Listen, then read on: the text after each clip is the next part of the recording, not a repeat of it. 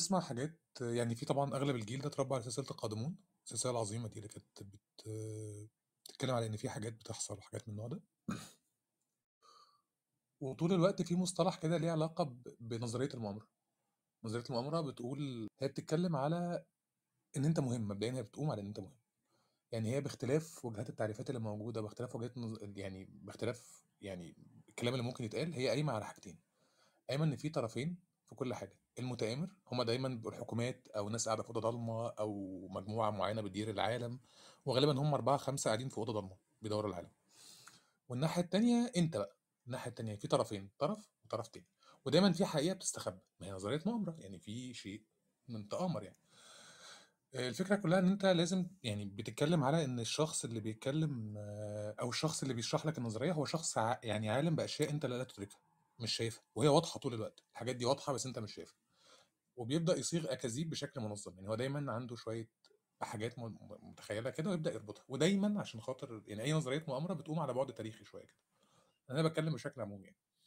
فدايمًا إحنا ممكن نقولها يعني بشكل مصطلح كده إن هو قيام طرف معلوم أو غير معلوم بعمل منظم بوعي أو من غير وعي، سرًا أو علنًا يعني عشان خاطر يوصل لهدف.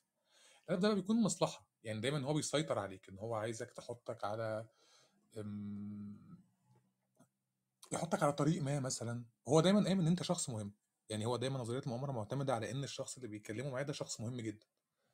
أنت أهم حاجة في الكون. آآ في نظريات مؤامرة كتيرة جدًا، في جمعيات كتيرة جدًا قامت، في كمية حاجات طول الوقت، بدءًا بقى من فرسان المعبد و والصليب والكلام المهم والحاجات اللي هي ما أعرفش بيعملوا إيه، والناس إن كان في قبر، في كُتّاب كبار اتكلموا عن الموضوع، يعني مثلًا هتلاقي دان براون عنده كذا كتاب قايم على القصة دي، في جمعيات بتقوم في العالم على القصة دي.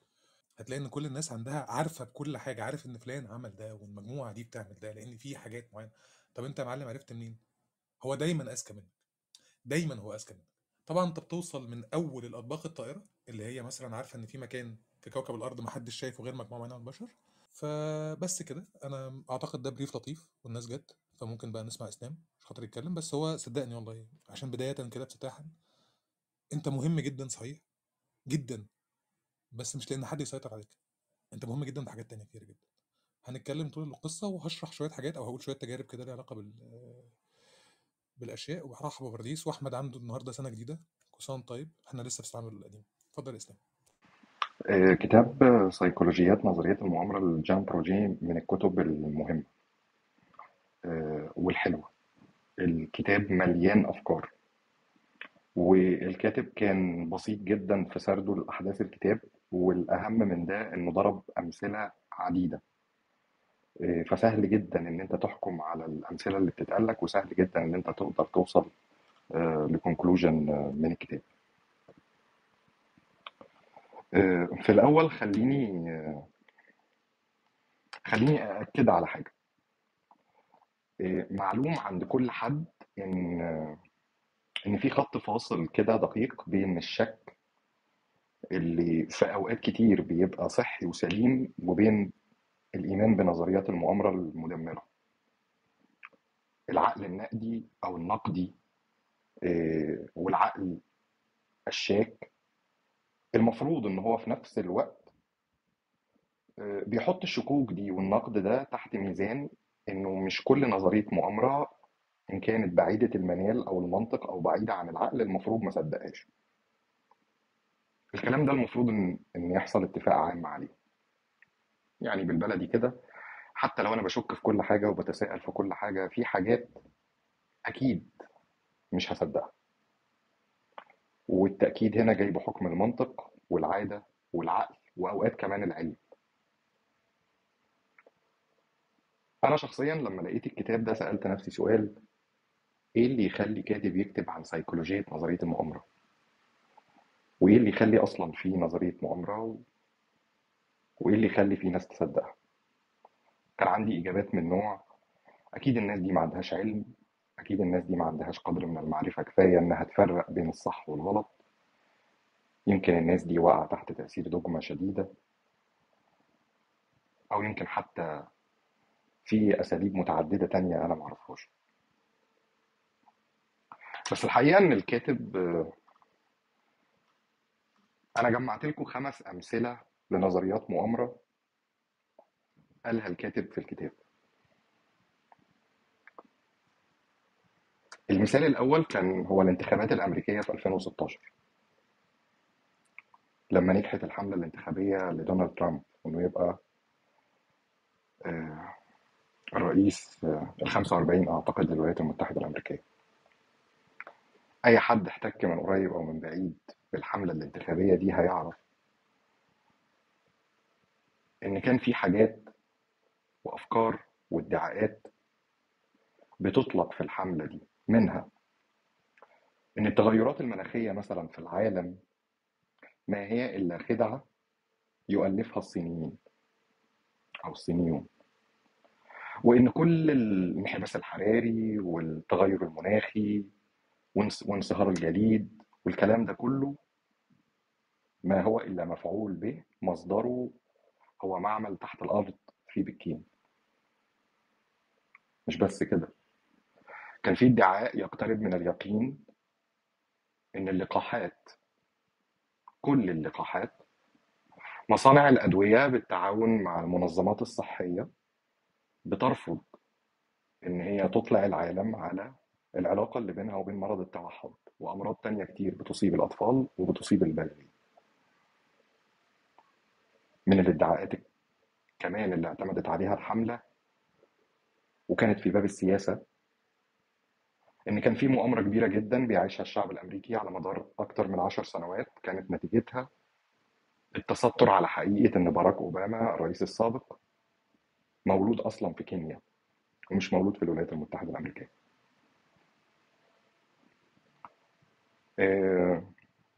الادعاءات دي وزيها كتير في الحملة الانتخابية لترامب أسهمت بشكل أو بآخر في فوزه. مع إن أنت تلاقيها بعيدة قوي عن العقل والمنطق والعلم كمان. ولكن إنها انتشرت انتشار النار في الهشيم زي ما بيقولوا. وما كانش انتشارها ده حكر على فصيل بعينه اجتماعي أو ثقافي أو سياسي أو ديني. كل الناس صدقت الكلام ده وده اللي ساهم في فوز دونالد ترامب بالانتخابات الأمريكية. طيب. مثل تاني أكثر وضوحا. هجمات الحادي عشر من سبتمبر. الحقيقة هجمات الحادي عشر من سبتمبر مش بس كانت متفردة ب... بالمفاجأة والتوقيت والتداعيات. لا كان في عامل كمان من منظور إعلامي إن هجمات الحادي عشر من سبتمبر قد تكون الأكثر توثيقا في العصر الحديث. كلها كانت عن طريق تسجيلات حية مقابلات حصرية. كلنا شفنا طيارات البوينج وطيارات اليونايتد إيرلاينز وهي بتخبط في البرج الجنوبي والشمالي. شفنا البنتاجون. شفنا حتى الطيارة اللي ما وصلتش للهدف بتاعها. كل ده شفناه. شفناه نقلا عن أشخاص وعن مؤسسات. شفناه بعد كده في دوكيومنتريز وشفناه وقتها بشكل وثائقي حي. الصور نقلت نفسها. ومع ذلك. وده اللي بيقوله الكاتب إن حتى يومنا هذا الناس مختلفة في طريقة التأويل والفهم للي حصل في الحادي عشر من سبتمبر. المجتمع الأمريكي بعد الحادي عشر من سبتمبر اتقسم إلى ثلاث آراء. واحد فيهم شايف إن ما كانش فيه أصلا متفجرات على الطائرات والمتفجرات كانت مخبأة داخل المباني. التاني فيهم شايف إن الولايات المتحدة الأمريكية وحكومتها كانت شريك في الحادثة. شريك بمعنى إن هم كانوا عارفين أو كانوا على اطلاع بمعلومات مؤكدة إن سوف يتم ثمة أمر أو هجوم إرهابي ما وسمحوا بده. وفي نوع ثالث من الناس مصدق إن هم كانوا ضليعين بالفعل في تسيير الطائرات. هيجي حد يقول لي إسلام ممكن تكون النسب قليلة أو مش هي دي عموم الشعب الأمريكي اللي إحنا المفروض نعرف درجة تحضره وثقافته. طيب في دراسة سنة 2004 على سكان نيويورك 49% من اللي دخلوا في الاستطلاع مصدقين إن الولايات المتحدة الأمريكية وحكومتها هي شريك في الحادثة. 36% من استطلاع رأي. أجري سنة 2006 وده ما كانش بس في نيويورك كان على جميع شرائح المجتمع الأمريكي. مصدقين إن الولايات المتحدة الأمريكية وحكومتها أشرفوا بشكل مباشر على التخطيط لتلك الهجمات وإنها ما هي إلا عملية هجوم زائف. في ناس كمان راحوا إلى إن الطائرات كان بيتم التحكم فيها عن بعد.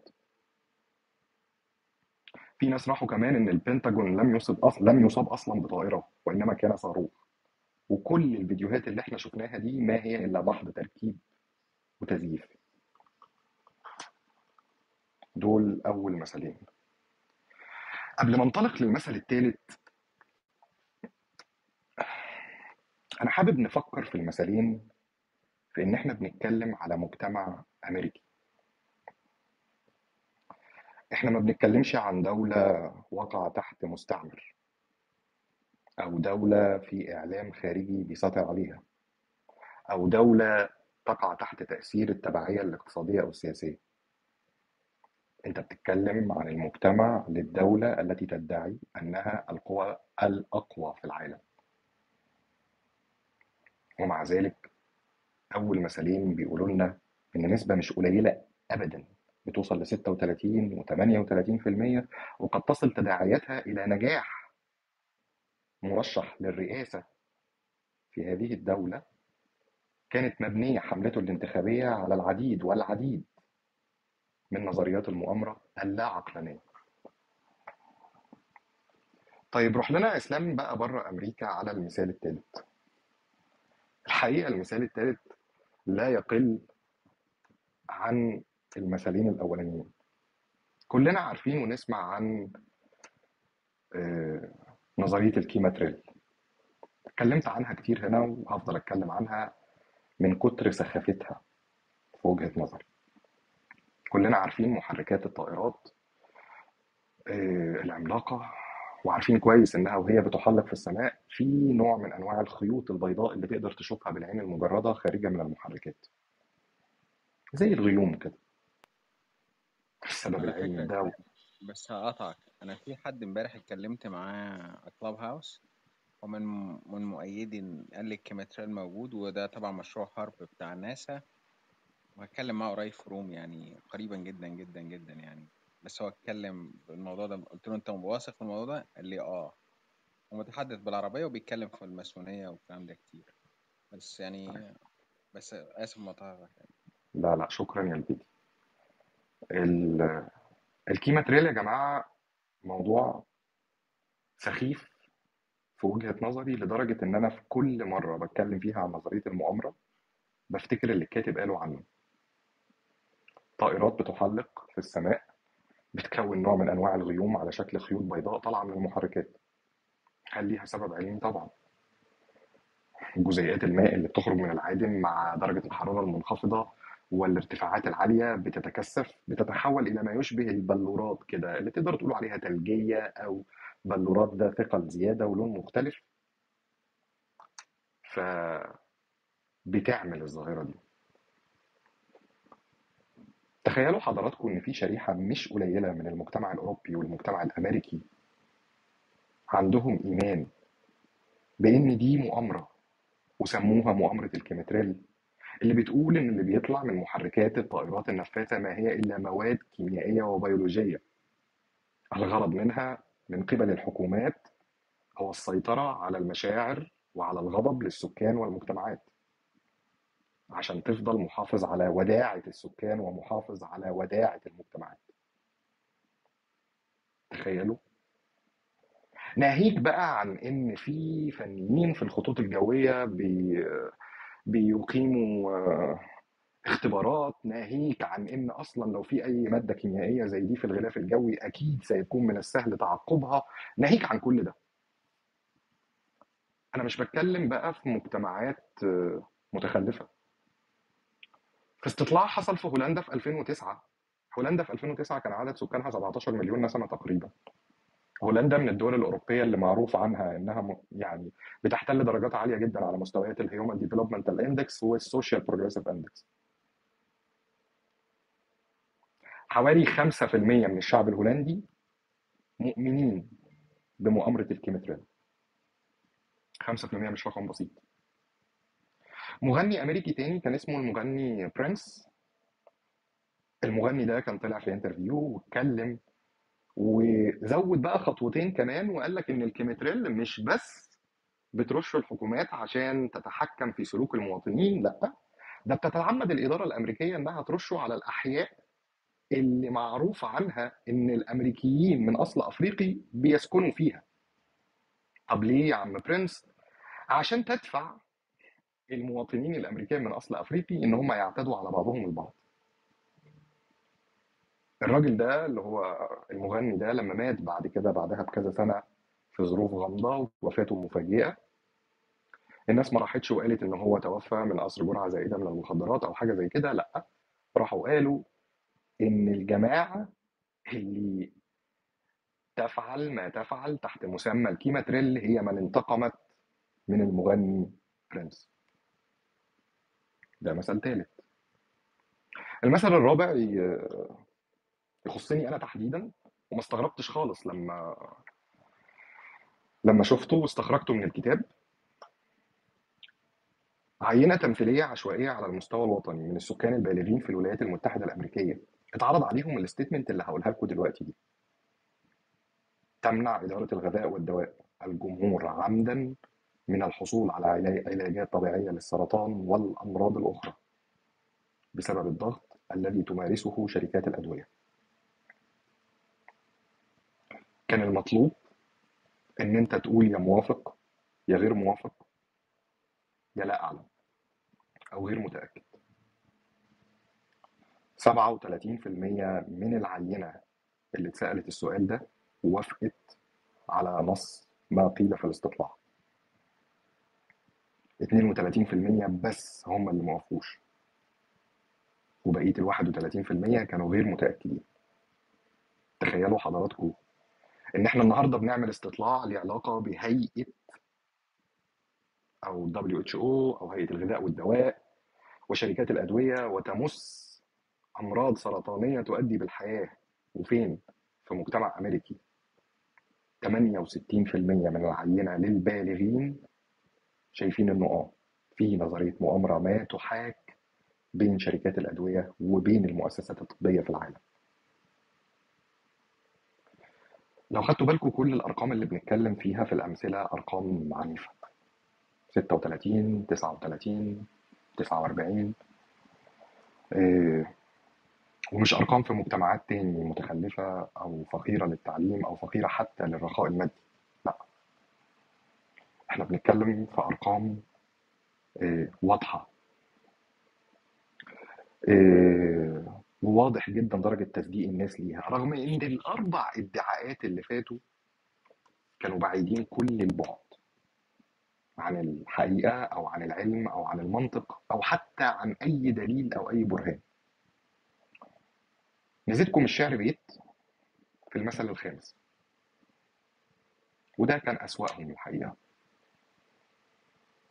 في 2002 الرئيس السابق جورج دبليو بوش قال حرفيا في الوقت الحالي يقوم العراق بتوسيع المرافق التي كانت تستخدم لإنتاج أسلحة بيولوجية وتطويرها. ورجع في 2003 قال إن المعلومات الاستخباراتية التي جمعتها هذه الحكومة وحكومات أخرى لا تدع مجالا للشك في أن النظام العراقي لا زال يمتلك بعضا من أكثر الأسلحة فتكا على الإطلاق. وطبعا بمرور الأيام والسنين كل العالم عرف إن كل ده ما كان إلا محض هراء خمس أمثلة استخرجتهم من الكتاب عشان خاطر أقول خمس أمثلة استخرجتهم من الكتاب عشان خاطر أحاول ألخص لكم الكتاب في العديد من الأسئلة اللي سألها الكاتب ما هي نظريات المؤامرة؟ ما هي مكوناتها؟ لماذا يهتم بها الناس؟ ولماذا يهتم بها الناس هنا؟ السؤال منقسم إلى شقين. لماذا يهتم بها الناس؟ يعني لماذا يهتم الناس بنظريات المؤامرة بشكل عام والتفاعل معها وفي سؤال تاني مبطن الكاتب بيحاول يلاقي بيه تبرير لتأليف الكتاب ده. إن لماذا يهتم الناس بدراسة سيكولوجية نظرية المؤامرة نفسها؟ الكاتب في الكتاب ده ما بيركزش خالص على إن كانت نظرية المؤامرة دي صحيحة أم خاطئة حقيقية أم زائفة. كان كل تركيزه في الكتاب ده إن هو يتفاعل ويتدافع فكريا مع السيكولوجية اللي بتسمع نظرية المؤامرة وبتتفاعل معاه. وده اللي هيودينا للسؤال الرابع والخامس اللي هم متى ومن أكثر الناس اللي ممكن إن هم يقعوا تحت تأثير نظريات المؤامرة؟ إيه أكتر وقت؟ مين أكتر ناس؟ إيه أكتر ظروف؟ تخليك لازم تاخد بالك لأن من الوارد جدا إن أنت موجود من غير ما تحس في تربة خصبة لتصديق نظريات المؤامرة. جزء برضو من الكتاب إن مش كل شيء نظريات المؤامرة. الناس اللي مؤمنين مثلا بعلوم الأبراج وتأثيرها على العلاقات الرومانسية بين المتحابين دي مش نظرية مؤامرة. الناس اللي مؤمنة بإمكانية التواصل مع الأموات والأرواح دي مش نظرية مؤامرة. الناس اللي بتصدق بالكف والأشياء اللي من هذه. من هذا القبيل دي مش نظرية مؤامرة. طب يبقى إزاي بقى هنعرف إيه اللي نظرية مؤامرة وإيه اللي مش نظرية مؤامرة؟ هو ده اللي الكتاب هو ده اللي الكتاب هيقوله. طيب.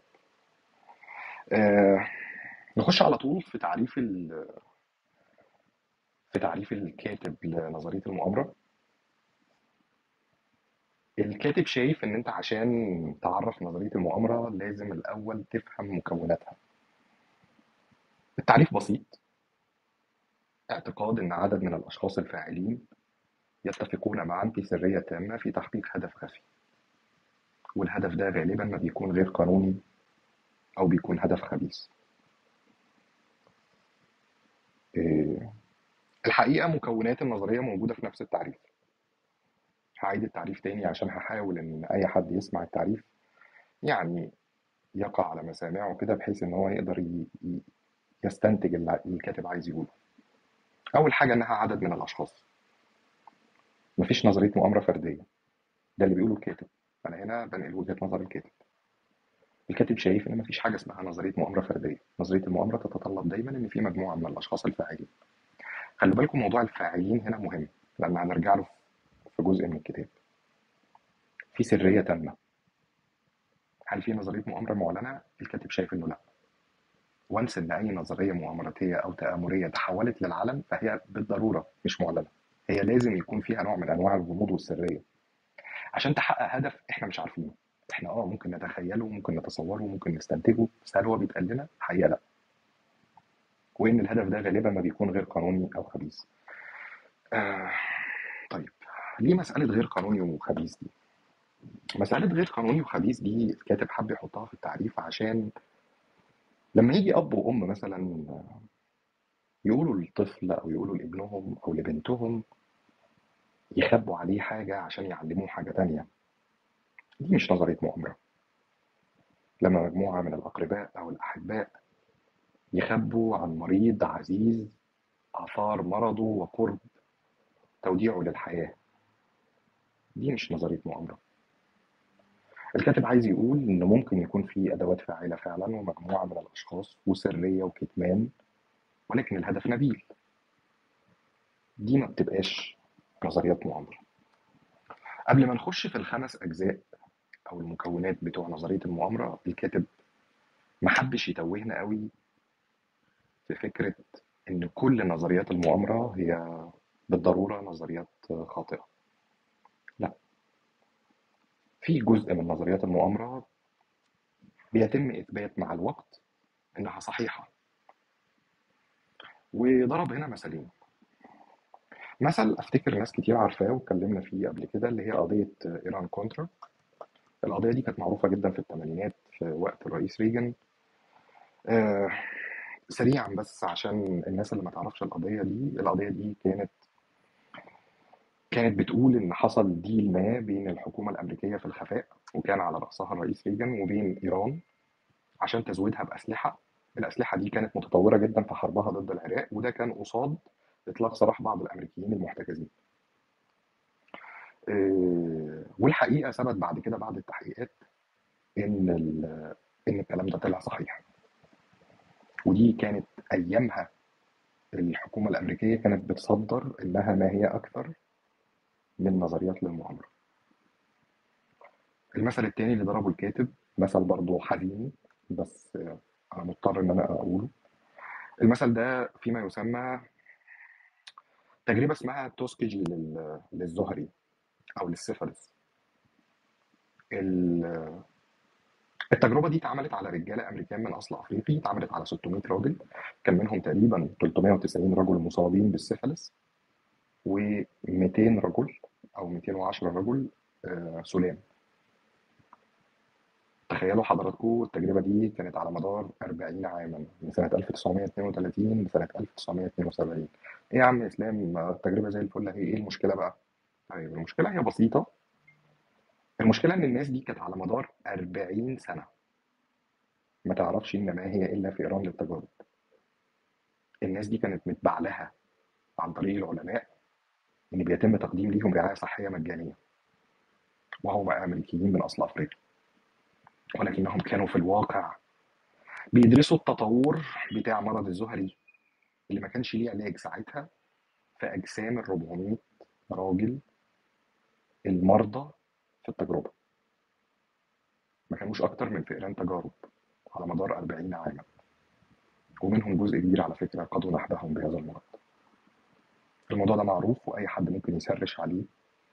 اسمها تجربة توسكيجي وطبعا في خلال ال 40 سنة دول الناس كتيرة بدأت تتساءل وناس كتيرة جدا اتكلمت في نظرية مؤامرة ولكن عرفنا بعد كده إن نظرية المؤامرة اللي كانت الناس بتتحدث بيها في ذلك الوقت ما هي إلا عملية قذرة وفعلا كان كان كل النظريات بتاعت المؤامرة صحيحة وأثبتت صحتها بعد كده.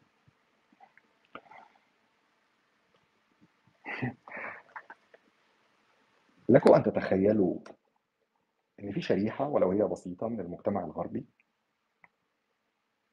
مؤمنين ومعتقدين بأن الأرض يحكمها جن جنس من السحالي. أنا عارف إن ممكن تتريقوا عليا بس هي دي الحقيقة. جنس من السحالي الغريبة المتنكرة في زي بشري. ده موجود. في ناس مصدقة بالكلام ده وفي ناس بتصدق إن في جوف للأرض وفي جوف الأرض في مكتب ما فاخر بيحكم هذا العالم. وإن اللي موجود في هذا المكتب ليسوا من جنس البشر. برضه موجود. ليه بحاول دايما أستذكر وأستصحب وأستأنس بالأمثلة؟ عشان أبين للمستمع إن فكرة إن أنت تصدق من نظرية المؤامرة وتقع تحت تأثيرها بعيد كل البعد عن مدى منطقية أو عقلانية أو حتى برهان ما يقال لك أو ما يلقى على مسامعك. الكلام ده مش حقيقي. سيكولوجية نظرية المؤامرة بتعرفنا إن مهما كنت فطن ومهما كان عندك قدر من المعرفة والذكاء والفطنة وحتى الخبرة والعلم ممكن جدا لو توفرت العوامل والظروف واست- واستخدمت الآليات المناسبة والرادعة إن أنت تقع تحت تأثير إحدى هذه النظريات. نروح بقى على طول من غير تأخير على الأجزاء الخمسة أو المكونات الخمسة وده إجابة للسؤال الثاني لنظرية المؤامرة. الموضوع بسيط خمس حاجات تقدر تطلعهم من التعريف. ال patterns، ال agency، الائتلاف، العدائية، والتكتم. تاني الأنماط، العامل الفاعل، الائتلافات، العدائية، التكتم. الكاتب شايف إن أنت عشان تحكم على أي نظرية مؤامرة إنها نظرية مؤامرة لازم تحتوي على الخمس صفات دول. طيب تعال نسقط الخمس صفات دول على ما قاله الرئيس السابق جورج دبليو بوش مثلا في نمط آه هناك تهديد والسبب في ده العراق. طب هل في عامل؟ عامل هنا المقصود بيه أداة فاعلة عن قصد. آه العراق بيعمل كده. طب هل في تحالف؟ طبعا. صدام حسين وأعوانه وإدارته السياسية. طب هل في عدائية؟ أكيد. العراق ما بيطورش ده عشان خاطر ينشر السلام ولا بيدافع الصداقة. ده بيطور أسلحة عشان الدمار الشامل. طب هل في تكتل مستمر؟ وهو ده أصلا اللي إحنا احتلينا العراق عشان إن هو بيخفي أصلا هذه الأسلحة. في الحقيقة إحنا ما شفناهاش. والحقيقة اللي اتأكدت بعد كده إن هي عمرها ما كانت موجودة. بس هي دي الحاجات اللي قومت الحرب على العراق. المؤرخون لاحظوا في كتب كتير إن أكثر الحروب التي تم خوضها في القرون القليلة الماضية تضمنت بشكل أو بآخر على نظرية مؤامرة واسعة الانتشار. حول مجموعة معادية بتقف على البر التاني من الصراع. دوروا كده حواليكوا على أي حرب حصلت في آخر 100 سنة. تاريخ الإنسان الحديث. هتلاقي دايما إن في نوع من أنواع نظرية المؤامرة. أمريكا شنت حرب على فيتنام بحجة إن فيتنام دي هينطلق منها المد الشيوعي للعالم كله. وكذلك ما حصل في العراق. وحاجات كتير. الكاتب هنا بيأكد عليها وبيأكد على حاجة أنا شخصيا كان عندي تبني ليها. من إن أغلب الحروب اللي بتحصل بتبقى نابعة في المقام الأول من شيء أو بآخر من نظريات المؤامرة اللي قد تكون محكمة وقد تكون غير محكمة. طب يا عم أنت تقصد إيه بالأنماط والعامل والائتلاف والعدائية والتكتم المستمر؟ مش فاهمين أنا أقول فكرة العامل هي فكرة القصد. والموضوع ده الموضوع ده كاتب شرحه بشكل بشكل مميز جدا وبشكل يقول لك إن موضوع العامل ده بي بيلعب دور كبير جدا في تصديقك لنظرية المؤامرة أو لازم يكون موجود لو أنت عندك احتمالية إن أنت تصدق بنظرية المؤامرة. إزاي؟ أقول لكم. حد فيكم يوم تخيل إن ممكن يكون المطر مثلا بيتآمر عليه عشان ما يخرجش النهارده؟ ما افتكرش. ما افتكرش إن حد إن حد ممكن يروح بخياله إن المطر اللي بيمطر بره ده آه، أنا لازم أكرهه ولازم ألومه إنه عنده عداء ليا. عشان كده عشان كده أنا لازم أتفاعل معاه. طب إيه الفرق بقى يا ترى بين المطر وبين وبين أي حاجة تانية؟ الفرق بسيط. إن المطر ما فيهوش قصدية. بمعنى إيه؟ بمعنى إن الإنسان بيميل لخلق نوع من أنواع العامل الفاعل. لو ما قدرتش تخلقه في غالب الظن هتحاول تخلقه. وده حصل كتيرة جدا في الأزمنة السحيقة. ألفنا آلاء آلهة زي زيوس وزي ثور وزي جوبيتير. ألفنا آلهة عشان نخاف منها عشان خاطر تبقى الآلهة دي هي الأدوات الفاعلة اللي بينتج عنها كل ما يحيط بنا عشان نقدر نتقرب منها ونقدر نخاف ونقدر ندعي لها حتى إن إحنا نتجنب إن ده يحصل بعد كده. طيب لو ما قدرناش نعمل ده لو ما قدرناش نعمل ده مش هنقدر نكون أي نظرية تآمرية ولا هنصدقها. لأن إحنا دايما بنروح ناحية النظرية التآمرية دي لازم يكون فيها نوع من أنواع القصدية. لكم أن تتخيلوا إن في القرون الوسطى أو في العصور الوسطى إنجاز التعبير ما كانتش العلوم المتقدمة في وقت من الأوقات في أوروبا موجودة. كانت ناس كتيرة وأطفال تحديدا بتموت من اللقاحات والفيروسات. وحتى من النظافة الشخصية. ما كانش فيه بقى لا لا بريزرفاتيفز ولا مضادات حيوية ولا الكلام ده كله. لما الناس لقت ده وافقت وأمنت إن الساحرات الشريرات هم اللي بيتآمروا مع الشيطان لفرض الأذى من هذا النوع زي الأوبئة وفشل المحاصيل والأمراض للأطفال والكلام ده. وكانوا بيحرقوهم. حتى المجتمع اليهودي نفسه. في فترة من الفترات العصور الظلامية والضبابية في أوروبا كان هدف متكرر لنظريات المؤامرة.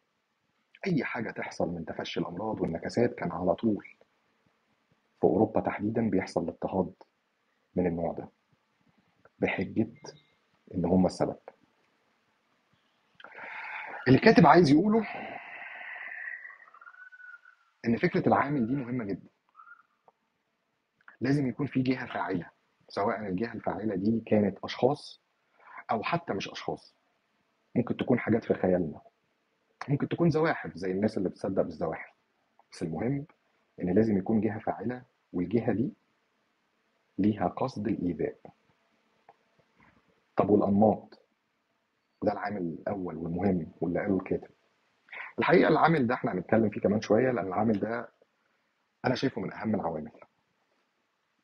لأن هو موجود أصلا في الطبيعة الإنسانية وطريقة تفكير العقل البشري. طبيعي جدا إن أي حد فينا دماغه بشكل أو بآخر بتكون ما يسمى بالباتر أي حد فينا النهاردة لو عاوز ينزل يجري ما افتكرش مثلا إنه هينزل يلبس shoes formal أو بتاع سهرة عشان ينزل يجري بيه. لا. هينزل يلبس الحذاء والملبس المخصص لفعل الرياضة. مش بس كده ما افتكرش إنه هينزل يجري في وسط الشوارع في وسط العربيات الزحمة. هينزل يجري في مكان مخصص للجري ممكن جيم ممكن مكان فاضي ممكن حديقة أو ما إلى ذلك. الحاجات البديهية اللي أنا بتكلم فيها دي هي حقيقة مش بديهية. هي عبارة عن مكعبات العقل البشري قدر يعمل باترن فيقدر يعرف بناء على التجربة والمعرفة والاحتكاك بتاعه.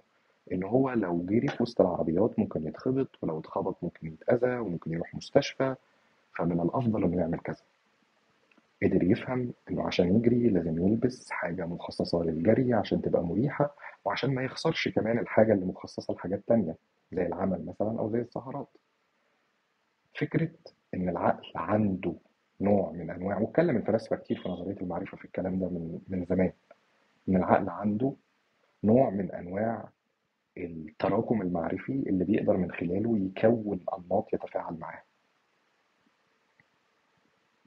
طب إيه مشكلة بقى الباترن في موضوع نظرية المؤامرة؟ هو للأسف أنا دخلت في الموضوع من غير ما أحس. إن بتوصل في أوقات إن العقل بيروح إلى ما يسمى النمط الوهمي. إن بيكون الشيء اللي حصل حواليك أو مجموعة الأشياء اللي حصلت حواليك هي في حقيقة الأمر ملهاش أي علاقة ببعض. ولكن أنت عن طريق الخطأ عقلك عن طريق الخطأ هو اللي بيركب نوع نمط وهمي سببي يبدأ يدور فيه عشان يصدق إن في نظرية مؤامرة وإن في مسبب لهذا الضرر. هنشوف هنشوف إحنا جايين هنشوف هنشوف الأمثلة. طيب الأنماط والب... وال... والعوامل. رحنا بعد كده للائتلافات ودي قلناها في التعريف إنها لازم تكون لازم تكون مجموعة العدائية وقلنا المثل بتاعها. ما ينفعش مثلا أب وأم بيخبوا على طفلهم نقدر نقول عليها إنها نظرية نظرية مؤامرة. والتكتم المستمر قلنا برضو عليها. قلنا إنها لازم تفضل ضي الكتمان وتفضل سرية وغير مؤكدة على طول الخط. الصفات الخمسة دول هم اللي بيميزوا على كلام الكاتب الاعتقاد بنظريات المؤامرة. وهم اللي بيقدر بيقدروا يخلوك تفرق بين ما هو نظرية مؤامرة وما هو خرافة مثلا أو ما هو ادعاء أو ما هو نوع من أنواع الإيمان أو الاعتقاد بشيء ما عليهوش أي دليل. آه زي مثلا فكرة الإيمان بالأشباح. أو التواصل حتى مع الأرواح. هل ده في نمط؟ آه في نمط. لأن النمط بيقول أو الباترن بيقول إن أنت بتفترض أن ثمة هناك تطور للحياة بعد الموت. ممكن بقى لو أنت معتقد اعتقاد ديني أو لو أنت بتتكلم في تناسخ الأرواح أو لو أنت بتتكلم في تعدد الأكوان أيا كان بس أنت عندك باترن بتصدقه بيقول إن في تطور للحياة بعد الموت. هل في علاقة سببية؟ آه في علاقة سببية القوى الفاعلة موجودة طب هل في تكتم مستمر؟ لا التكتم المستمر في الحالة بتاعت الأشباح أو التواصل مع الأموات هو جزء ليه؟ لأن الأرواح دي أو الأشباح دي إحنا ما بنشوفهاش مش متأكدين منها إيه، بس ما تقدرش تقول إن الغموض هنا هو العامل الرئيسي هو جزء ولكنه ليس عاملا رئيسيا لأن ممكن يتراءى ليك إن أنت شفت حاجة. طيب يا ترى بقى العنصرين اللي فاضلين العداء الحقيقة لأ. مش لازم تكون الأرواح أو الأشباح عدائية. في ناس بتتواصل أو بتدعي التواصل مع أرواح موتى أشخاص أعزاء عشان يسألوهم عن حاجة أو عشان يتمنوا لهم الخير أو كده. طبعا في جزء عدائي بس العداء مش شرط أساسي عادي وحتى التحالفات مش موجودة. ما سمعناش قبل كده عن شوية أصحاب أرواحهم اتصاحبت على بعض وهم ال- الأرواح دي كلها على بعضها كده قررت إنها تعمل ائتلاف وتحارب الأشخاص الحقيقيين. برضه ما سمعناش عنها. اللي الكاتب عايز يقوله إن أنت من السهل لو حطيت الخمس عوامل دول على أي موضوع تقدر تعرف. لو الموضوع ده فيه باترن لو الموضوع ده فيه عامل العامل المقصود بيه هنا جهة فاعلة عن قصد ائتلافات يعني مجموعة أعداء وتكتم مستمر يبقى أنت كده قدرت تف- تفصل أو تفرق بين نظرية المؤامرة آه، وبين وبين أي نظريات آه، تانية أو أي أو أي خرافات آه، تانية. طيب. إحنا كده خلصنا الجزء الأولاني أو إجابة على السؤال الأولاني بشقين إيه هي نظريات المؤامرة وإيه الأمثلة عليها وإيه كمان المكونات اللي بتكونها. طيب هنروح بعد كده للسؤال اللي بعده. السؤال اللي بعده كان ليه الناس بتهتم أصلا بنظرية المؤامره خليني الأول قبل ما أروح لل... لموضوع اهتمام الناس. آه، لأن أنا عايز الإجابة دي توصل لكل واحد فينا من غير حتى ما أنا أقولها. خليني في السؤال الأهم. إمتى ومين إيه الأوقات إمتى الأوقات ومين الناس اللي بيصدقوا بنظرية المؤامرة أكتر من الناس التانية؟ خلاص إحنا كده اتفقنا أو لو سلمنا للكاتب بما يقول يبقى إحنا كده عرفنا إن تصديق نظرية المؤامرة من عدمه ملوش أي علاقة بمدى عقلانيتها وأدلتها وبراهينها وحتى اتساقها مع الواقع والعلم ولا ليه علاقة بالفصيل الاجتماعي أو السياسي أو العلمي أو المعرفي اللي كل واحد فينا فيه. طب أمال ليه علاقة بإيه؟ الكاتب بيقول إنه ليه علاقة بالمتلقي. طب إزاي؟ الكاتب هنا عرض دراسة. أنا شايف إنها دراسة من من أهم الدراسات اللي اتعرضت في الكتاب ده. الدراسة دي اتعملت عن طريق اتنين من علماء السياسة في جامعة ميامي. كان معاهم فريق من مساعدي البحوث. آه، الدراسة دي اتعملت على جريدتين. آه، نيويورك تايمز وشيكاغو اسمها إيه؟ شيكاغو تريبيون أنا ما أفتكرش إن شيكاغو تريبيون دي لسه جريده موجودة إلى الآن يعني. أنا كنت قريتها في كتاب تاني وأعتقد إنها ما عادتش موجودة. طيب كان إيه آه، كانت إيه طريقة الاستادي دي أو الدراسة دي؟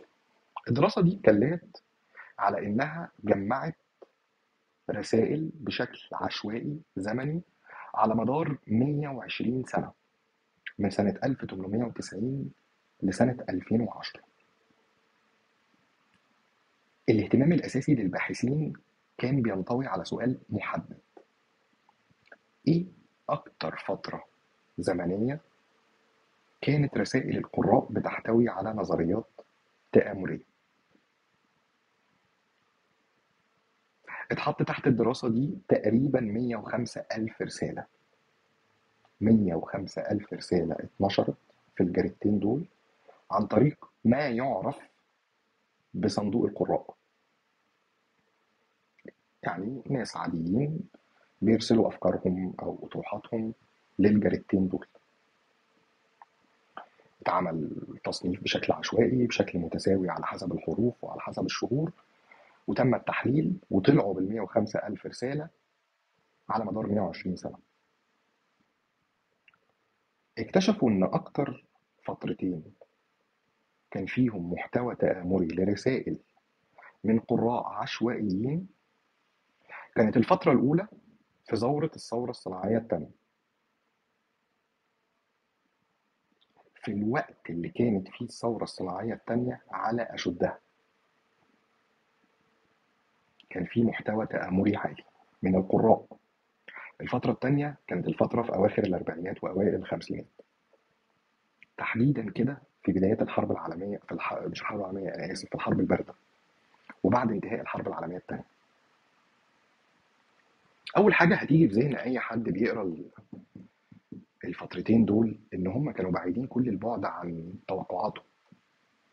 إيه اللي يخلي فيه أفكار تآمرية بعد انتهاء حرب عالمية تانية آه، أزهقت أرواح ما يقرب من 60 مليون غير الجرحى وغير الآثار اللي بالمليارات على مستوى المباني والبنى التحتية؟ طب ما كان من باب أولى إن تكون الرسائل التآمرية دي في الحرب. وإيه اللي يخلي الرسائل التآمرية دي تحصل في في قمة نشوء الثورة الصناعية الثانية بكل الإنجازات اللي كانت موجودة وقتها واللي حصلت بعد كده؟ الكاتب راح وده تحليله إلى إن في عاملين مهمين جدا لو وجدوا في أي مكان وزمان تحت أي مجتمع وتحت أي كلام بيتقال بتبقى دي تربة خصبة أولية لأن أنت تقع تحت تأثير المحتوى التآمري وهما مشاعر الخوف وعدم اليقين. لما بنكون خايفين ولما ما بيكونش عندنا الحقيقة أو ما بنكونش مصدقين أو بنكون مكذبين الأخبار اللي بتوصل لنا هم دول أكبر عاملين اللي بيتبني على ما بعد ما بعدهم بعد كده؟ فكرة إن أنت ممكن تصدق المحتوى التآمري الكاتب كان منظم جدا في طرح فكرته في إن هو لقى اعتمادا على الدراسة دي إن هم دول العاملين الأكبر اللي ممكن يكون في بين الفترتين اتساق. فترة فيهم ثورة صناعية جديدة حالة ميكنة ثورة بخارية عمال كتير هتفقد وظائفها. الهيكلة العامة للشركات في العالم هتتغير فطبيعي إن يبقى في نوع من أنواع الخوف وعدم اليقين. الفترة التانية فترة الحرب الباردة وكلنا عارفين اللي كان حاصل في الغرب وفي الولايات المتحدة الأمريكية اللي وصل لبعض الأوقات للحركة الميكارثية المعروفة. اللي وصلت لتطرفها وكرهها للشيوعية إن كل ما كان له علاقة بالحزب الاشتراكي أو الشيوعي كان بيهاجم وبيطرد من البلاد وما أكثرها من الحروب التي أريقت تحت لواء القضاء على الشيوعية. برضه خوف وعدم يقين. الكاتب بقى راح خد الخوف وعدم اليقين دول وقال لك ماشي. هاتولي بقى الخوف وعدم اليقين دول. لما أشوف إيه العوامل اللي بتزود الخوف وعدم اليقين. أول عامل فيهم العامل اللي إحنا حاليا عايشين فيه الأزمات المجتمعية. إيه يا عم الأزمات المجتمعية دي؟ أي تغير سريع هيطرأ على أي مجتمع هيهدد فيه الرفاهية والرخاء والاقتصاد والاستقرار والكلام اللطيف ده كله تقدر تحطه تحت الأزمات المجتمعية. قال لا. يعني الكوارث الطبيعية آه. الأمراض آه. الكوفيد آه. الحروب آه. الثورات آه. خدوا بالكم اللي جاي. الأزمات الاقتصادية والمالية آه. طب الهجمات الإرهابية آه. كل دي أزمات مجتمعية متنوعة. ممكن تصيب المجتمع المحلي وممكن تصيب المجتمع الدولي. في الحالتين بتسبب نوع من أنواع الخوف وعدم الاستقرار وعدم اليقين. الكاتب لما كتب الكتاب ضرب مثالين بس. قال لك من أكبر الأزمات المجتمعية اللي واجهتنا هجمات الحادي عشر من سبتمبر واغتيال جون كينيدي. أفتكر إنه كان كاتب الكتاب السنة دي كان زود عليها كمان 8 9 أزمات حصلوا في آخر خمس سنين. الأزمات المجتمعية بشكل عام سواء على المجتمع الدولي أو سواء حتى على المجتمع المحلي بتأثر بشكل كبير في درجة تقبل المتلقي وقبوله لنظريات التآمر. ليه؟ لأن هو بيبقى عنده حالة من الخوف وعدم اليقين والترقب لكل ما هو قادم. حاجة كده شبه مع الفارق في القياس يعني. لما يبقى الواحد فينا ماشي في جنينة ويلاقي قدامه عصاية من بعيد بيقف لثواني كده يحتار. يا ترى دي عصاية ولا تعبان؟ أنت مش قادر تحدد. بس أنا بأكد لك أو بأكد لك إن لو أنت موجود أو لو انت موجودة في الموقف ده بغالبية ساحقة انت هتغيري المسار أو أنت هتغير المسار. ليه؟ لأن في حالة خوف وعدم يقين. في حين إنها ممكن ما تكونش أكتر من عصايه ولكن حمل الآثار الناتجة المترتبة على إن أنت تغامر شوية أو أنت تغامري شوية وتفضلي مكملة في طريقك. لو تعبان ممكن تكون العواقب وخيمة. لكن إحنا على طول دماغنا بيشتغل انه يا سيدي طب ما هو لو مش تعبان أنا ما خسرتش حاجة. وبتحيد على طول عن الطريق وتروح برضه للطريق اللي أنت عاوزه. بس ما بيبقاش في اهتماماتك قوي إن أنت تتأكد إذا كانت دي عصاية ولا تعبان. هو ده اللي الكاتب عايز يقوله.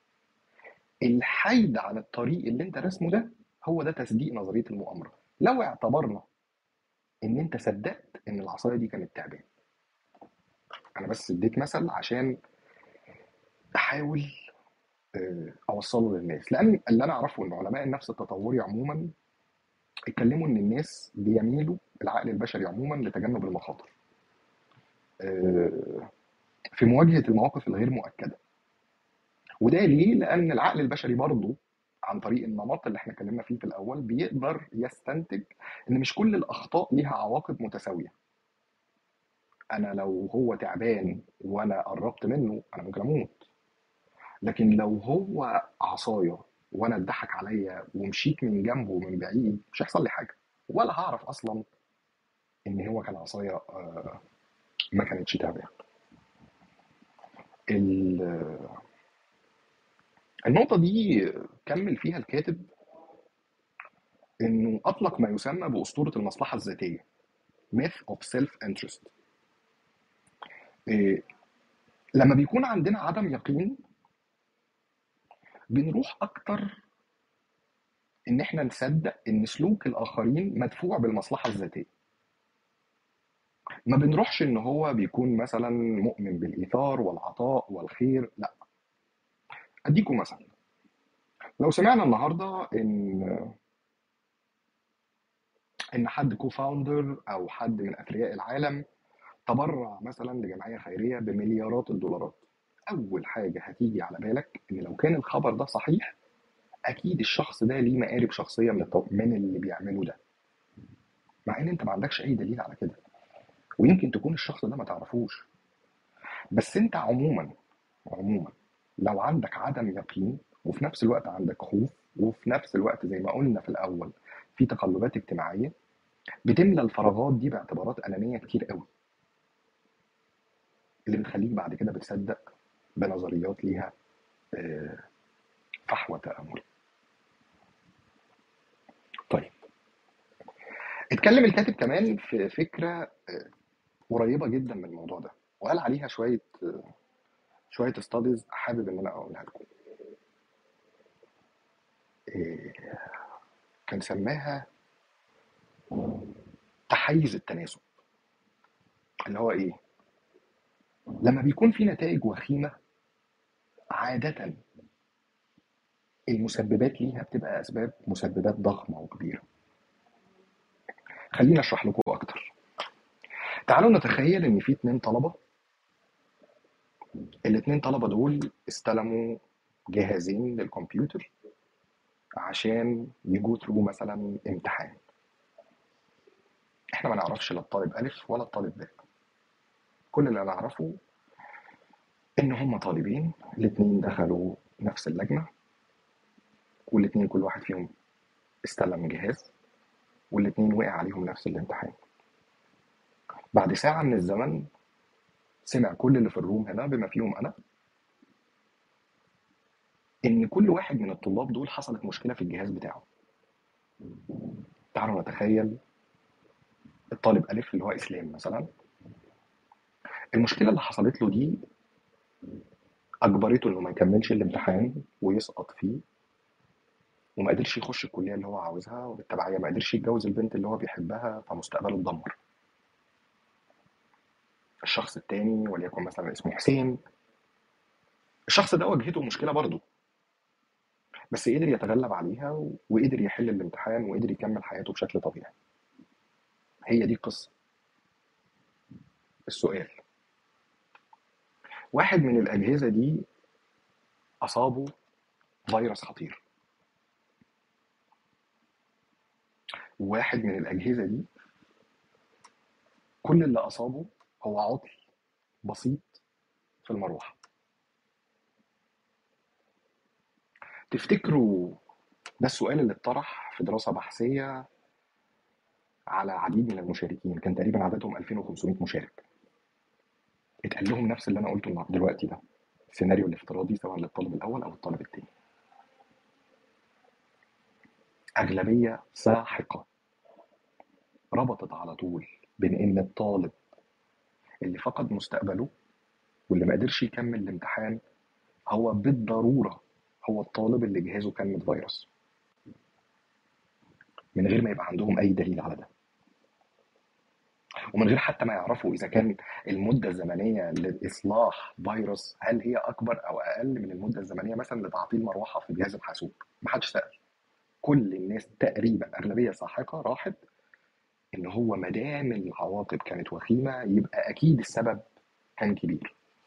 نفس الفكرة بالظبط لما بنسمع عن اغتيال سياسي مرموق في أي بلد في العالم. لو الاغتيال ده قامت بعديه ثورة أو انقلاب أو حرب غالبا الناس بتقول إن وراء الاغتيال ده مؤامرة حكومية داخلية أو خارجية ثمة هناك مؤامرة ما. ولكن لو الاغتيال عدى وكل اللي حصل هو مثلا نعي عادي وبعد كده تداول للسلطة غالبا الناس بتفكر إن ده بيبقى هجوم مسلح فردي وخلاص. مع إن الاغتيال هو نفسه الاغتيال. ومع إن أصلا ما فيش علاقة بين الأسلوب بتاع الاغتيال وبين النتائج بتاعته. بس ده اللي بيقوله هنا الكاتب. فكرة إن النتائج الكبيرة أو النتائج الوخيمة بينتج عنها غالبا أو بتنتج بتنتج عن غالبا إيه، أسباب كبيرة. طيب. نرجع لموضوع ال- النمط. إحنا قلنا إن عقولنا بتدرك النمط قلنا أمثلة على ده وقلنا إن في مرحلة معينة العيب الوحيد أو العيب القاتل في إدراك النمط اللي موجود في العقل البشري إن أنت في أوقات العقل التلقائي بتاعك بيدور على أنماط لأشياء هي بالفعل عشوائية. فبتبدأ تد- يعني بي بي- بيبدأ يحصل إدراك لشيء لما يسمى النمط الوهمي. اللي هو علاقات بين أشياء ذات مغزى وهي في الحقيقة ليس لها أي معنى وليس لها أي صلة بعضها البعض زي مثلا خليني أقول لكم كده ده بيحصل على فكرة في الناس اللي بتلعب قمار.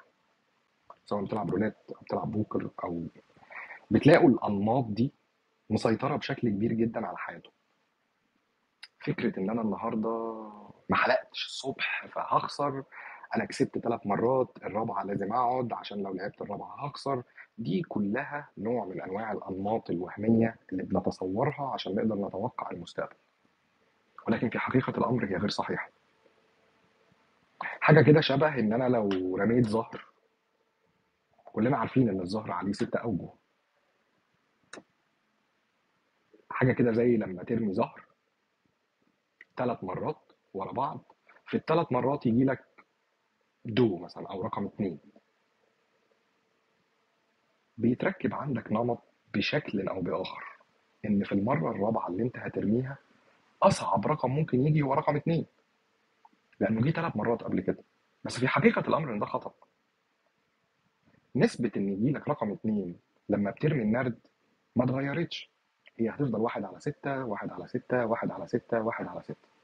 لكن العقل في بعض الأوقات وبدون وعي مننا بيحاول آه، يخلق النمط الوهمي ده. بنشوفه كتير قوي لما مثلا آه، حد بيته مثلا يصاب بصاعقة أو برق آه، يحصل مثلا حالة مرض لحالة من الأقرباء أو لطفل من أطفاله يبدأ يفكر في إن ده ممكن يكون عشان أنا غلطت في جاري أو إن أنا عشان عملت كذا أو عملت كذا إيه، أو عملت كذا. أغرب مثل سمعته في موضوع الأنماط الوهمية ده هنرجع بقى للهجمات بتاعت 11 سبتمبر. آه، دونالد رامسفيلد كان وزير الدفاع وقتها. وكان آه، وقت ما حصل الهجوم على البنتاجون كان وزير الدفاع موجود في الجانب الآخر من الحادث. كلنا عارفين طبعا الشكل السداسي بتاع مش عارف هو السداسي ولا الثماني الأضلاع. مش مش متأكد الحقيقة. بس كلنا عارفين الشكل بتاع البنتاجون. بعض المراقبين والمحللين والمؤمنين بنظرية المؤامرة أنا هنا بوريكم قد إيه ممكن النمط الوهمي الإنسان يقع يقع أسيرا ليه. إن الناس قالت معنى إن رامسفيلد كان موجود في الجانب التاني من المبنى إن هو كان على علم بمكان هجوم الإرهابيين على هذا الجانب من المبنى. وإن ده لا يمكن يكون مصادفة مع إن في حقيقة الأمر وده بكل بساطة مكتب وزير الدفاع الأمريكي أصلا في الجانب الآخر من المبنى. الموضوع أسخف من إن حد يفكر أو يستغرب إن الناس دي مصدقة الكلام ده إزاي. لا في ناس بتصدق الكلام ده. رغم إن الإجابات الأسئلة قد تكون بسيطة وشديدة البساطة وشديدة آه، الوصول إلى الحقيقة. إيه اللي هيخلي وزير الدفاع يبقى مو... ده هو الغريب أصلا إنه يبقى موجود في الجانب ده لأن هو مكتبه أصلا في الجانب الآخر. مش إن هو مكتوب مكان موجود في الجانب الآخر. فلما الصاروخ اتضرب يبقى هو كان عارف مكان الصاروخ. ده نمط وهمي. ده نمط لا أساس له من الصحة. حاجة كده زي ما بيجي ال- الجماعة المعالجين الروحانيين. الناس الدجالين اللي إحنا بنسمع عنهم ال- اللي يقول لك ده عالجه من سرطان وده عالجه من ايدز وده عالجه من H. pylori وده عالجه مش عارف من myocardial infarction أنا هسلم إن ده ممكن يكون صحيح وإن ممكن يكون فعلا حصل نوع من أنواع المعجزة أو حصل نوع من أنواع التطور أو حصل نوع من أنواع الالتزام بعلاج أو lifestyle خلوا مرض ما يغادر جسد شخص ما. مين اللي قال إن المعالج الروحاني ده أو الدجال ده هو اللي عالج الشخص ده؟ أنت جبت اللينك ده منين؟ أنت اللي بتتكلم أنت اللي بتعمل نمط وهمي. جبتها منين؟ طب إزاي جبتها منين ما هو كان تعبان وكان عنده سرطان وراح له ولما راح له خف. طيب أنا مش هقول لك إن هو ما خفش. ومش هقول لك إن هو أو أنت أو الدجال كذاب. لا أنا هقول لك إن الراجل ده كان عنده سرطان وراح للمعالج الروحاني وخف. أهو طب ما أنت سلمت لي أهو. لا استنى. تقدر تقول لي في كام ألف واحد راح لهذا المعالج عشان يخففه من السرطان ومات آلاف. مش معنى إن واحد بضربة حظ أو بصدفة حصل إنه اتعالج إن السبب في العلاج ده كان المعالج الروحاني ده. ده دي أمثلة كتير بحاول أفتحها قدامكم عشان فكرة ال- إن الناس عندها ميل تلقائي شديد لاكتشاف الأنماط في في الأشياء العشوائية. واتفقنا إن ال- إن الحاجات دي كلها بتزيد مع عدم اليقين ومع الخوف ومع الأزمات ال- الاجتماعية. في نظريات المؤامرة غالبا غالبا.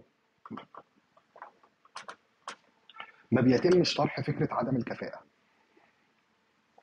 الجملة دي أنا شايف إنها برضو بتفسر حاجات كتير. أي حادث سقوط طائرة آخر حاجة بنصدقها إن ممكن يكون الطيار ما كانش كفء. إحنا ما بنصدقش ده. أي شيء بيحصل حوالينا مش زي ما إحنا عاوزين أو مش زي ما إحنا مخططين آخر حاجة بنفكر فيها إن ده ممكن يكون عيب مننا. ممكن يكون تقصير من الأدوات اللي المفروض إنها بتشتغل عشان تحقق التارجت ده. ما بنفكرش في ده أول حاجة بنفكر في حاجات كتيرة قوي قبله. وده واضح جدا في موضوع حوادث سقوط سقوط الطائرات. آه، كده إحنا خلصنا ال- الجزء بتاع متى وهنخش بقى في موضوع من. بس قبل ما نخش في موضوع من في نقطتين هنا مهمين جدا آه، أشار إليهم الكاتب. فاكرين حضراتكم رحلة رحلة الخطوط الماليزية اللي اللي اختفت عن الرادار تقريبا في 2014 أو في 2013 إيه، الرحلة دي كل وسائل الاستطلاع جميع وسائل الاستطلاع أكدت إن المجتمع الأوروبي والأمريكي ابدوا تعاطف شديد آه، لما حصل في في الطائرة الماليزية. اللي حصل في الحادي عشر من سبتمبر كان ضحاياه أفتكر كان أكتر من 3000 ونص. ومع ذلك المجتمع الأوروبي والعالمي تقريبا كله تعاطف مع الضحايا. الكاتب بيسأل سؤال. في سنة 1994 وقعت إبادة جماعية في رواندا. مليون شخص اتذبحوا في غضون أسابيع قليلة. 20% من إجمالي السكان الروانديين اختفوا في الوقت ده. مزيد من الشعر بيت. أغلب الموتى كانوا من النساء والأطفال الأبرياء. اتحبسوا زي الحيوانات في غضون أسابيع قليلة وتم ذبحهم. ناهيك طبعا عن اللي ماتوا بعد كده بسبب الإيدز أو بسبب الاغتصاب. وده اللي يخلي من الصعب إن أنت تعمل حصر لعدد الضحايا لتلك الإبادة الجماعية اللي حصلت في رواندا. الكلام ده حصل سنة كام؟ سنة 1994 يعني مش بعيد. عن هجمات الحادي عشر من سبتمبر. عدد الضحايا بدون الأخذ في الاعتبار من ماتوا جراء الإيدز والاغتصاب والج- والجروح قلنا مليون. يعني تقريبا 300 ضعف الضحايا اللي راحوا في 11 سبتمبر. بالنظر إلى ما تقدم المفروض إن الحادث المروع اللي زي ده يطلع نظريات مؤامرة كبيرة جدا في أنحاء العالم. بس المفاجاه إن ده ما حصلش. تصفح المواقع الإلكترونية ومواقع الويب الخاصة بنظرية المؤامرة الأوروبية كشفت لينا إن في شح وندرة لنظريات المؤامرة حول الإبادة في رواندا. ليه؟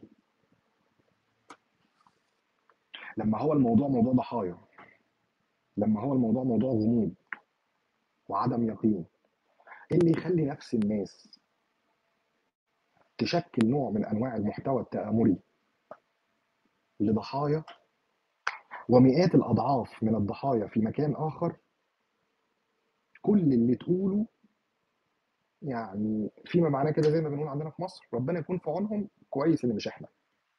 وخلاص.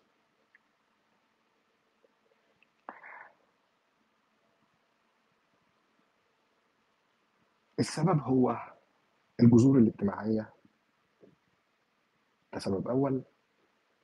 سبب تاني ربط هوية الفرد بالضحايا. إزاي؟ بشكل أو بآخر بيتم في التركيبة العالمية دلوقتي سواء عالميا أو محليا تصنيف العالم الاجتماعي بنحن وهم. الناس غالبا بتتعاطف وبتصدق نظريات التآمر لما بتكون ضد نحن تلاقي اليمين في أوروبا لما بتحصل حادثة لأي حد يميني على طول بيبدأ يفكر في نظرية المؤامرة. المسلمين لما بيحصل أي مثلا اعتداء على حد مسلم على طول نظرية مؤامرة.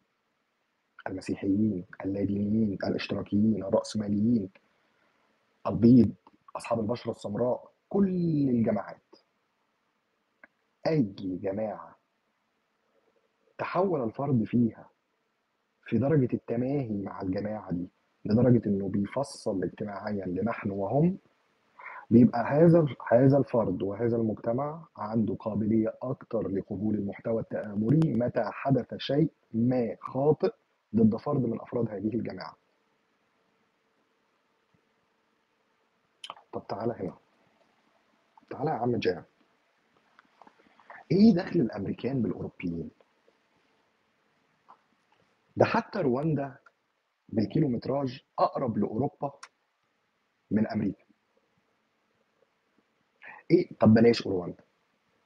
إيه اللي يخلي المجتمع الأوروبي يتعاطف بدرجة أكبر أو يقبل المحتوى التآمري بشكل أشد في حالة الطائرة الماليزية اللي وقعت على بعد آلاف الكيلومترات وهم يا عم لا أوروبيين ولا أمريكان. إيه اللي يخليهم يروحوا يتعاطفوا مع هناك قوي ده اللي في آخر الدنيا وما يتعاطفوش مع الروانديين الكاتب شايف إن الموضوع ملوش علاقة بس بنحن وهم. هو ليه علاقة كمان بإن الفكرة إن العقل بي بيربط أو بيشكل رابط ما بينك وبين الضحايا. لازم يكون في صلة. الصلة دي ممكن ما تكونش تشابه بينك وبينه. ممكن حتى تكون تماثل أو تخيل لتجربة ما بمعنى اللوجو بتاع الطائرة الماليزية. فكرة السفر لماليزيا بشكل عام. ممكن أكون أنا سافرت ماليزيا ممكن يكون حد من أقربائي ممكن يكون حد من أصدقائي بس بشكل أبعد بكتير ممكن أشوف حد سافر رواندا مثلا. ما أفتكرش إن أنا شفت قبل كده طيارة في مطار بتحمل شعار آه، جمهورية رواندا. ما أفتكرش مثلا إن أنا شفت سلعة مثلا معينة استخدمتها أو حتى حتى من اللي أعرفهم استخدمها آه، كانت من رواندا لكن وارد إنها تكون من ماليزيا. يبقى الموضوع مش بس نحن وهم. الموضوع إن أنت لو قدرت بشكل أو بآخر إن أنت تت- تتصور نفسك أو تستحضر تجربة سابقة أو حتى تستحضر تجربة لاحقة أنت بتفكر تعملها بتخلي في بينك وبين عدد من الضحايا نقاط تماس على طول هتروح ناحية نظرية التآمر. طب والناس الغلابة التانيين الروانديين مش من باب اللامبالاة بس تقدر تقول إن هو من باب التمويه على الذات. آه اللي حصل لهم أمر مروع وفظيع. ولكن الحمد لله ونحن سعداء جدا لأننا نعيش هنا. إحنا مش معاهم. آه المشكلة دي بتتفاقم بشكل كبير جدا لما بيبقى نحن وهم هو المجتمع والساسه بتاخد بعد تاني خالص. حتى جوه الحزب الواحد أو جوه الوطن الواحد أو جوه القطر الواحد أو جوه حتى الدين الواحد. لما بتبدأ التفتيت إلى فصائل إلى حتى جوه نفس الفصيل نفسه آه، بتقدر تلاقي كل الآثار السلبية اللي نحن وهم حتى على المستويات ال- اللي ما دون الجماعات نفسها. طيب. معنى كده إن ربط هوية الفرد بجماعة ما يحفز نظريات المؤامرة. عظيم. هل ده في عامل محفز ليه؟ طبعا. قوة الجماعة نفسها. لو أنت بتنتمي لجماعة بين قوسين مستضعفة أو لها قرين أو عدو أقوى أو أكبر بتكون فكرة إن أنت تؤمن بنظرية المؤامرة أعلى. إزاي؟ قلنا إن في درجة من درجات التماهي وربط الهوية بالجماعة. أوكي خلاص خلصنا من دي. قلنا إن اليقين والخوف. ماشي قلنا خلاص دي. قلنا كمان إن ال- الاختلافات المجتمعية والكوارث والأوبئة والأزمات الاقتصادية والكلام ده كله. ماشي قلنا دي. قلنا تناسب لما بتكون نتائج كبيرة ماشي قلنا دي.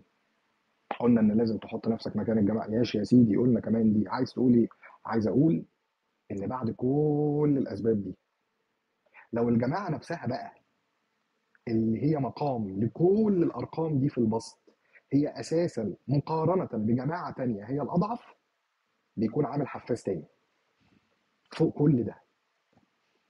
وده ما يعرف يعني مجازا بالأقليات. وعشان كده مهم جدا إن أنت خليه بلاش أقول إن أنت خليني اوجه الكلام ده نفسي إن أنا أفهم سيكولوجيه نظرية المؤامرة عشان أقدر أعرف وأفرق. الشخص اللي بيسمعني واللي بيروح على طول إن هو ما بيصدقنيش أو بيخاف مني هل يا ترى هو في جماعة مختلفة؟ هل يا ترى هو في جماعة مستضعفة مظلومة مقهورة؟ هل أنا هو بنتشابه في حاجات ولا ما بنتشابهش؟ هل هو عنده نوع من أنواع الباترن الوهمي اللي أنا لازم أبينه له؟ أسئلة كتير. محتاجه إن كل واحد فينا يجاوب عليها قبل ما بس يشاور على اللي حواليه ويقول له بص أنت أسير لنظرية المؤامرة. حتى لو افترضنا إن هو فعلا أسير لنظرية المؤامرة. في عوامل كتير بتخلي من الصعب جدا تم ذكرها في في الساعة اللي فاتت دي. صعب جدا إن أنت تهرب من إن أنت تكون أسير لنظرية مؤامرة ما. في عوامل داخلية آه بس في عوامل خارجية. في عوامل بتأثر في تربيتنا ونشأتنا وثقافتنا وبيئتنا ومجتمعنا وتوازن القوات وحاجات كتيرة جدا جدا. قبل ما بس نلقي أصابع الاتهام على شخص ما أنه بلا عقل لمجرد إن هو مصدق بنظرية مؤامرة آه، نظرية مؤامرة ما. موضوع الأقليات الكاتب أفراد له جزء مش قليل من الكتاب أنا بس هاخد آه، استطلاع واحد بس دراسة واحدة بس هقولها عليكم. عينة عشوائية 500 أمريكي من أصل أفريقي 37% منهم وافقوا إن هم مؤمنين على إن المؤسسات بتس... المؤسسات الطبية والصحية بتستخدم الفقراء والأقليات كخنازير تجارب لتجربة طرق جديدة لتج... لتحديد النسل. بصوا النسبة 38% 38% يا بشر. أنا بتكلم إن كل 10 أشخاص في أربع أشخاص على قيد الحياة بيتفاعلوا مع المختلف وهم جواهم إيمان إن الأرض اللي هم عايشين عليها والمختلف اللي هو بيتعامل معاه بيستخدموا المؤسسات الصحية والطبية للفقراء والأقليات كخنازير تجارب لمجرد تجربة طرق جديدة لتحديد النسل زي اللي حصل في السيفلس 25% من النساء الفقيرات والأقليات يجبرن في بعض الأحيان على استعمال موانع للحمل من قبل الحكومات والمؤسسات. أنا بتكلم في أمريكي من أصل أفريقي أمريكي الجنسية. أنا ما بتكلمش في حد مهاجر هجرة غير شرعية ولا حد من المجرمين. لكم بقى أن تتخيلوا لو الأسئلة دي اتسألت على الناس اللي فعلا فعلا يستحقوا لقب أقليات. من بين أكتر نظريات المؤامرة الشائعة في الأفريق من الأمريكيين من أصل أفريقي إن الفيروس اللي بيسبب الإيدز أنشئ أصلا في المختبر من أجل القضاء على المجتمع الافريقي الأفريقي الأمريكي.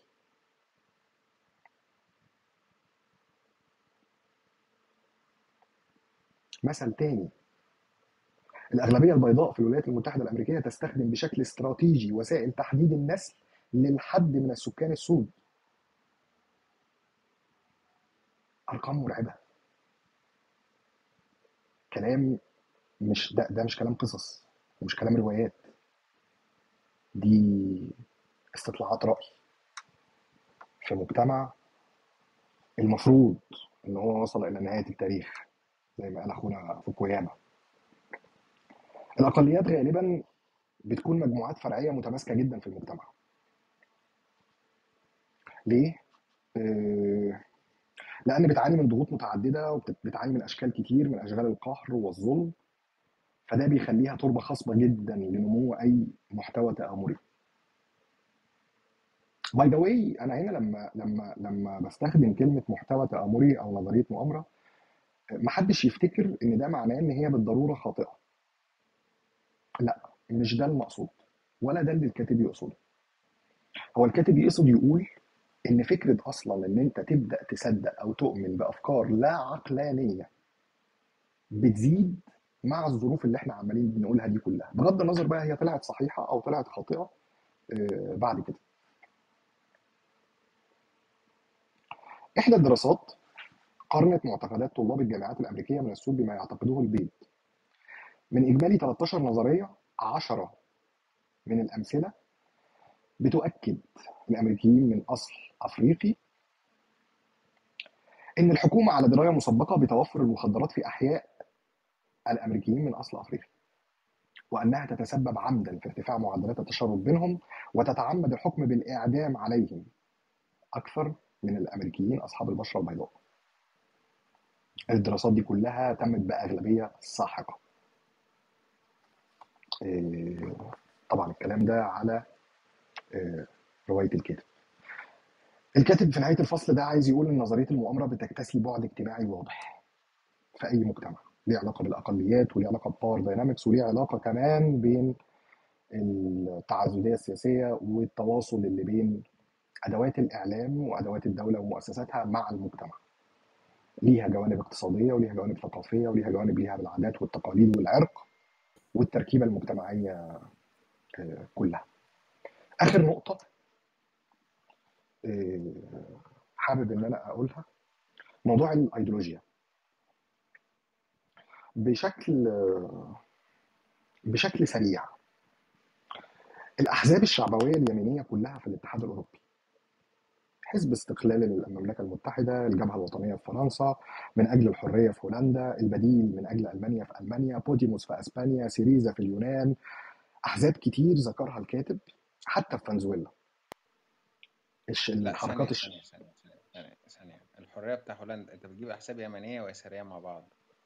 بس أيوه ما هو وبوديموس دول يساريين. وأنا هقول لك معاهم هقول لك هقول لك هقول لك. ما هو هو جايب أحزاب شعبوية يمينية زي الجبهة الوطنية وزي من أجل الحرية والبديل وجايب أحزاب شعبوية يسارية زي بوديموس وسيريزا وديلينك والحزب الاشتراكي. آه، وحتى الجزء بتاع هوجو شافيز والحركات الشعبوية اليسارية القوية في الاكوادور وبوليفيا والبرازيل. الكاتب عاوز يقول التطرف يمينا كان أو يسارا هو عامل حفاز في قبول المحتوى التآمري الكاتب عايز يقول إن الموضوع ده ملوش علاقة بإن التفكير يميني أو يساري. قد ما ليه علاقة إن التطرف والتماهي الشديد مع الفكرة بيخليك تقبل أكتر بالنظرية التآمريه آه، ضد ضد المنتمين لهذه الفكرة. مش بس كده. لما بيتوغل التطرف وبيبقى ليه بقى عجلة اقتصادية وأدوات إعلامية بنبدأ نشوف مراحل أبعد. مرحلة من شيطنة الغرباء. أي حد غريب عن الفكر عن الأيديولوجيا عن المجموعة هو بالتبعية. شيطان ويجب القضاء عليه. روح النقد غير موجودة. التشكيك غير موجود. فكرة الاختلاف غير موجودة. ودي تبقى المرحلة الثانية المرحلة الثالثه وهي الأسوأ. إن ممكن نظريات المؤامرة تمنح للجماعات المتطرفة شعورا بأن العنف هو الخيار الوحيد المتبقي لها للبقاء. نظريات المؤامرة بتقول إن التطرف يعتبر عامل حفاز ونظرية المؤامرة نفسها هو مضاعف للتطرف ده. حاجات كده زي العلاقات التبادلية بيحصل فيه ديناميكية كامنة بين العاملين كل واحدة فيهم بتقوي التانية طيب.